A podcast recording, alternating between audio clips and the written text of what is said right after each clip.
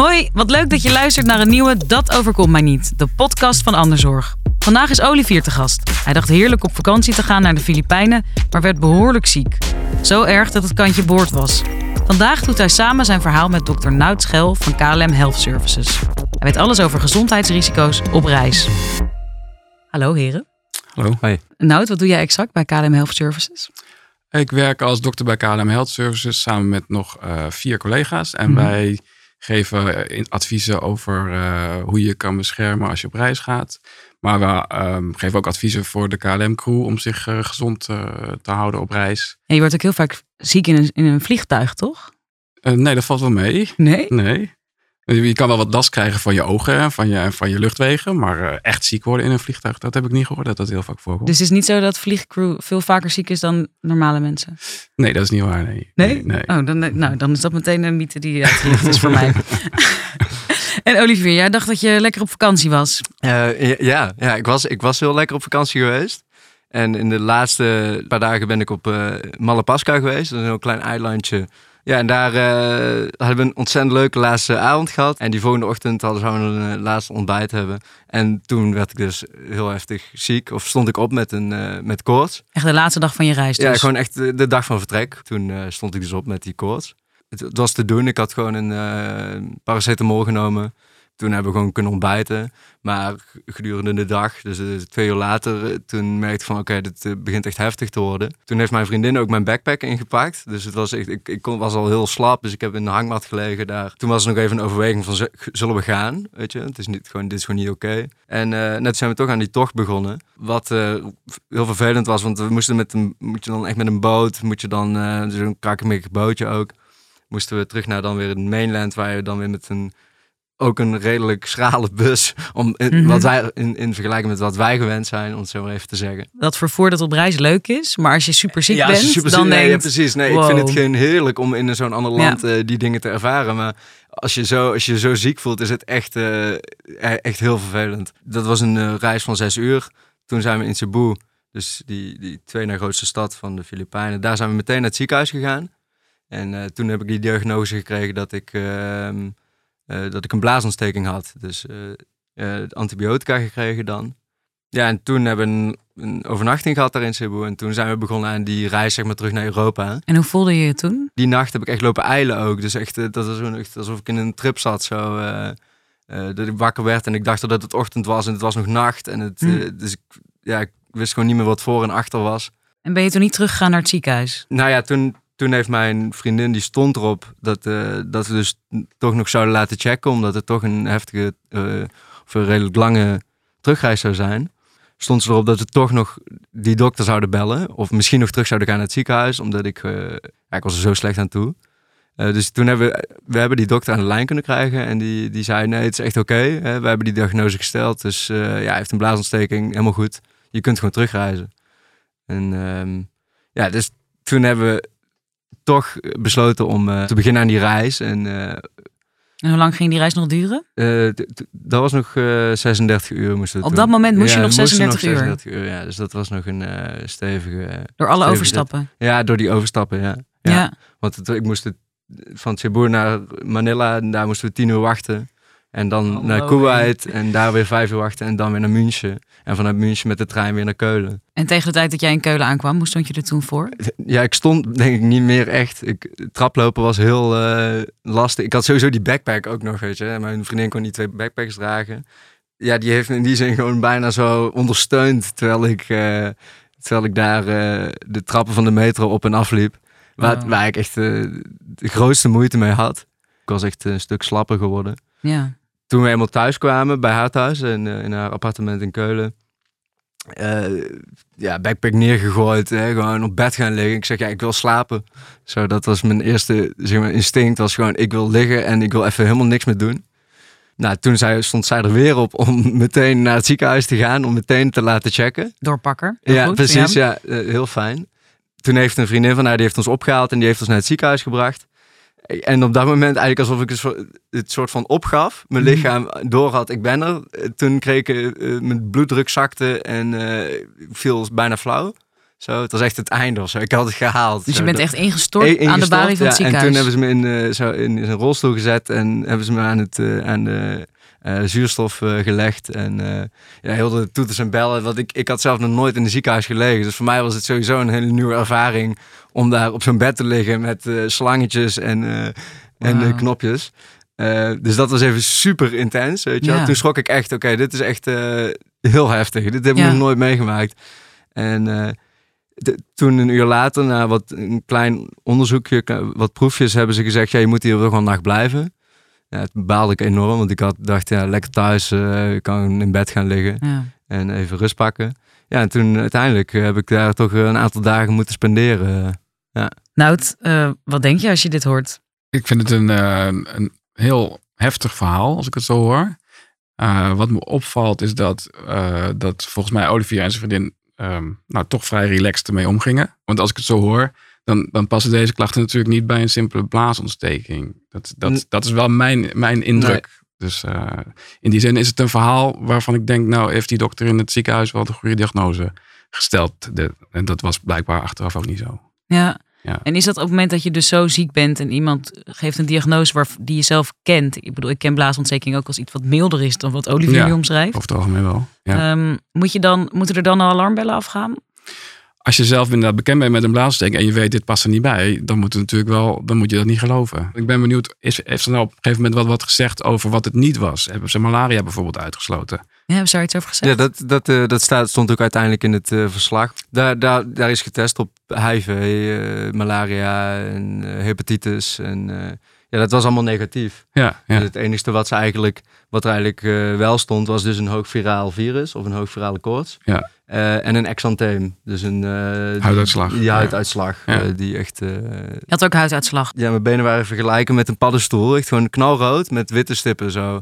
En echt alleen maar vanaf mijn, vanaf mijn buik. Dus Vanaf je middel naar beneden. Schrok je toen niet onwijs? Jawel, ja, dat was zo'n punt dat je echt niet weet wat het is. Hè? En dan kom je uit een, eh, een plek waar de tropen ook zijn. Ja, dan is het toch het, wat het onbekende. Dat maakt het wel enger. En je weet nog steeds niet wat jij had toen. Nee, ze hebben me uiteindelijk eh, kunnen ontslaan uit het ziekenhuis. Omdat ze zagen dat mijn eh, rode bloedcellen weer aan het herstellen waren. Dus dat mijn weerstand gewoon weer... eh, ik werd gewoon weer sterker. Eh, ja, ik was toen alsnog gewoon heel fragiel wel toen ik het ziekenhuis verliet. Die cijfers zagen ze gewoon stijgen. Dus Ja. dat was een goed teken. Dus ik werd gewoon weer een soort van, ik was aan het herstellen. Ja. En nou, nou is het zo dat, ehm, dat er vaker geen diagnose wordt gesteld? Weet je dat? Met virale infecties is het zo dat je, dat je vaak inderdaad niet vindt wat het is. Ehm, er zijn heel veel virussen die ziekte veroorzaken over de hele wereld. En eh, heel veel daarvan hebben we nog niet eens eh, eh, ontdekt. Dus ehm, ja, je hebt wel vaker dat er zo'n viraal beeld wordt, eh, wordt gezien. En dat er uiteindelijk dan niet een, een verwekker wordt gevonden. Dat klopt. En is dat iets wat dan, waar je eigenlijk dan een soort zorgen om moet maken dat die diagnose niet wordt gesteld? Nou, omdat meestal dit soort ziektes ehm, een viraal, eh, viraal beeld geven wat vanzelf weer overgaat, is het niet zo heel erg eh, bedreigend. Want eh, mensen gaan er niet snel dood aan, aan zo'n zo'n voorbijgaand viraal beeld.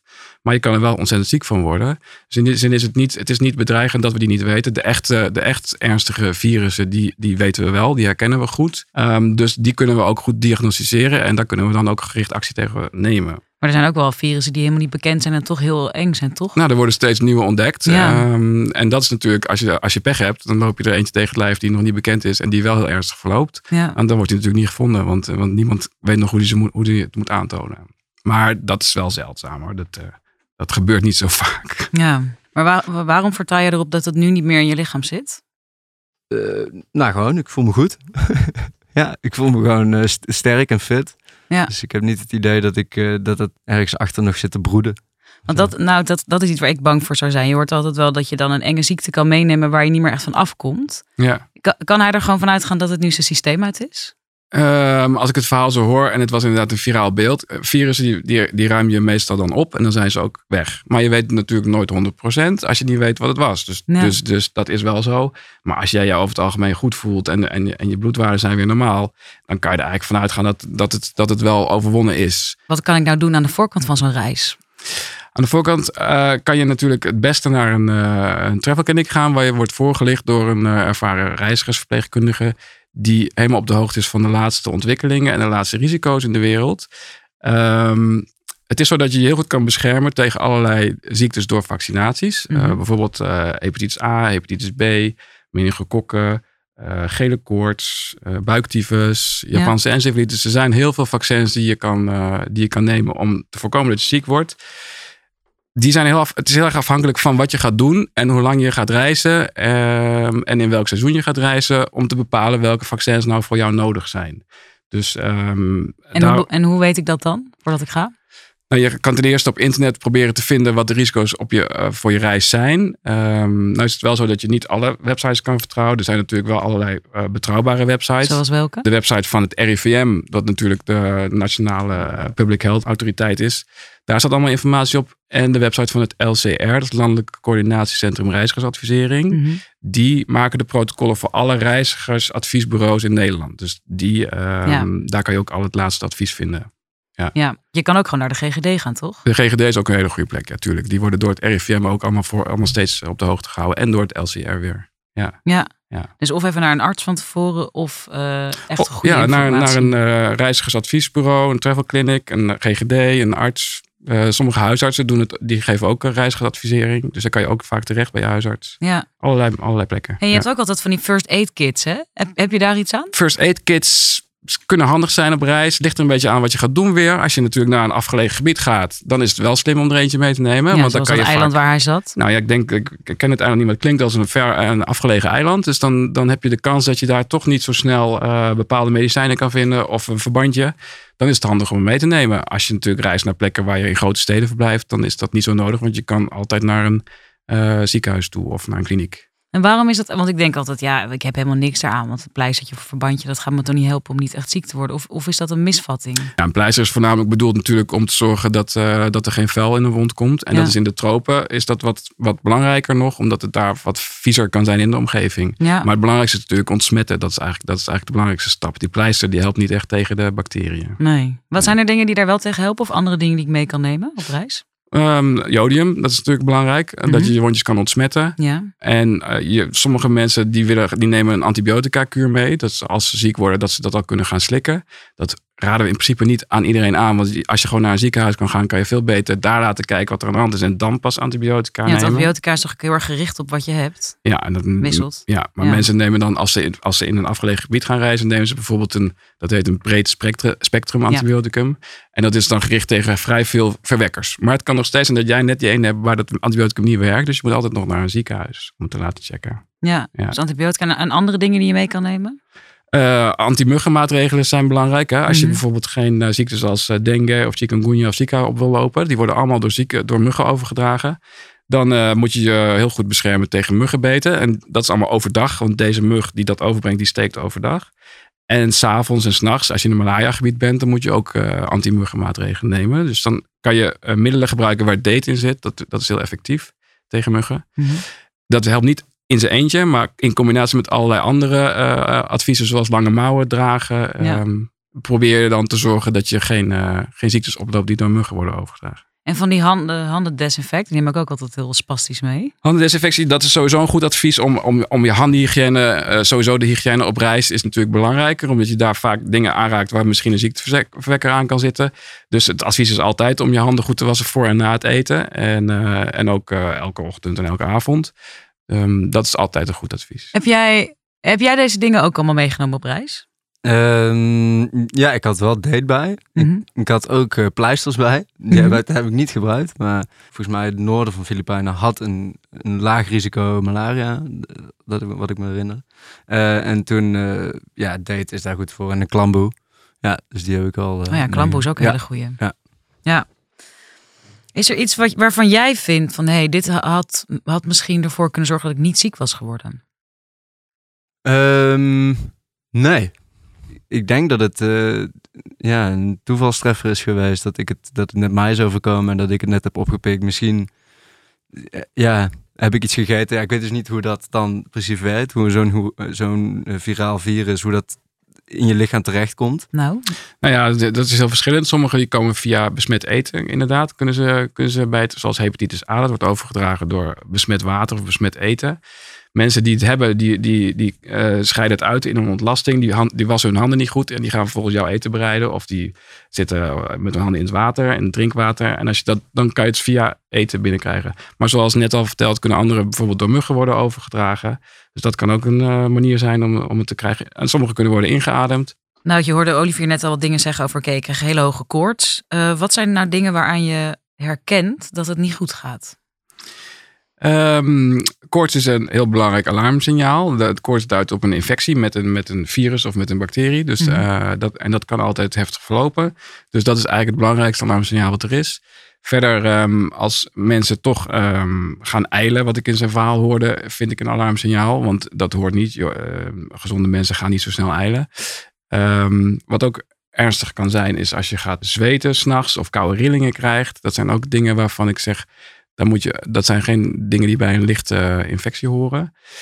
Um, dat zijn de belangrijkste dingen. En, uh, en als je deze dingen niet hebt, is, dan, is er dan ook niks aan de hand als zijnde? Dit hoort er wel echt bij.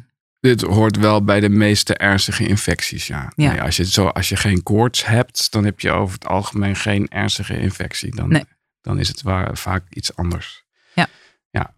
Um, en um, ik begreep dat ook uh, Olivier's vriendin erbij was. Wat wel interessant is om te melden, is dat, dat ik denk in dit, in dit geval, als ik dit verhaal zo hoor, dat Olivier eigenlijk zijn ziekte heel erg onderschatte. Ja. En dat zijn vriendin eigenlijk veel meer zag wat er aan de hand was. Dus het is denk ik ook heel belangrijk om te luisteren naar de mensen om je heen. Die zeggen, ja, maar je bent echt wel heel erg ziek. Want ik denk dat zeker als je heel erg ziek bent, dan kan je zelf ook niet meer doorhebben hoe, erg, hoe erg het is. Herken je dit, Olivier? Ja, dat is denk ik precies wat ik ook na de reis uh, opmerkte. Was dat ik zelf gewoon niet he helder dacht. Dus dat ik gewoon dacht, ik wil naar bed of ik wil gewoon uh, liggen en uh, niks doen. Maar dat zij wel door had dat het meer was dan alleen een, gewoon een griepje. Ja, dus als je dus, merkt dat je zelf heel vaag bent en, en ziek, dan moet je eigenlijk wat meer op, de, op ja. je eventuele medereiziger vertrouwen. Ja. ja, want zelf heb, je zelf, zelf heb je vaak niet door dat je vaag bent. Dat heeft je ja. medereiziger Ja, precies. Nee, dat is het dus eigenlijk wel. Maar ja, dat is van tevoren zou je dat dus moeten herkennen en moeten zeggen eigenlijk tegen jezelf van ik, uh, wanneer ik me zoiets overkomt, dan moet ik eigenlijk al meteen een stapje terugzetten en ja. Uh, ja, contact ja. zoeken ja, met... dat moeten we gewoon bij deze nu doen. ja, en zij, want schrok jouw vriendin eigenlijk heel erg? Nou, zij is redelijk pragmatisch wel. Dus zij was gewoon, uh, yo, uh, we, we, gaan nu en uh, we moeten na, daar naartoe. En ze, ja, ze was in die zin heel praktisch ingesteld. We doen dit en we doen dat. En we gaan niet hier lopen twijfelen of zo. We gaan er gewoon voor, weet je wel. Als we dit gaan doen, dan, dan gaan we er ook voor. Want zou je dat ook nou, op een bepaalde manier kunnen voorbereiden nog? Weet je, van wat, wat je nou doet in zo'n situatie? Want zijn vriendin was, is vrij, heeft flink doorgepakt eigenlijk. Ja, ja. Maar wat, wat kan je daar aan de voorkant van doen? Nou, we hebben het al over gehad dat je van tevoren goed kan inlezen wat de risico's zijn. En dat kan je allerlei preventieve maatregelen nemen. Maar wat ook belangrijk is, is dat je bijvoorbeeld alvast van tevoren kijkt of je goed verzekerd bent. Ja. Uh, want dat kan ook een reden zijn om geen, uh, geen, uh, nou, niet naar een ziekenhuis te gaan. je moet gewoon goed verzekerd zijn, zorgen dat je kosten gedekt zijn, want dan ga je naar een ziekenhuis. En um, verzekeraars werken altijd samen met alarmcentrales. Mm. En die alarmcentrales die kan je altijd bellen. En dat lijkt erop dat dat vaak dat mensen toch denken, nou dat kan alleen maar als iets heel ernstigs is. Maar je kan ze in principe altijd bellen als je ziek bent op reis. En die kunnen ook zelfs je een second opinion geven. Gewoon telefonisch? Telefonisch kunnen ze hun best doen om, om te kijken of de diagnose die gesteld is wel klopt met de symptomen. Het is ja. natuurlijk altijd lastig van afstand de diagnose maken, maar daar zijn ze natuurlijk heel erg goed in getraind. Dus. Heb, heb, jij zoiets gedaan, Olivier? Uh, nee. Je hebt geen alarmnummer gebeld in nee, Nederland? Nee, dat had ik nu, als ik dat nu had geweten, had ik dat wel gedaan. Ja, dus die van tevoren even opzoeken is best handig, aangezien er nooit echt internet is in het buitenland. Ja, vaak staat hij ook achter op je zorgpas. Ah. Het nummer. Oké, okay, dus even samenvattend. Aan de voorkant laat je goed informeren door de GGD of een travel clinic. En als je online kijkt, dan op de website van het RIVM of het LCR. En als je denkt, hey, het gaat toch niet helemaal goed, zorg dat je altijd al het alarmnummer van je zorgverzekering in je telefoon hebt opgeslagen en wacht niet te lang met bellen. Ja. Het is niet gênant als je gewoon belt met een kleine koorts. Nee, dan krijg je te horen dat het wel meevalt. Ja, of niet. Ja, of niet. nou, bedankt weer. Oké, okay, graag gedaan. Wil je nou niet in de situatie van Olivier belanden? Op de website van anderzorg.nl staat een flinke lijst met tips. Dus die zou ik dan even gaan checken. Tot de volgende keer!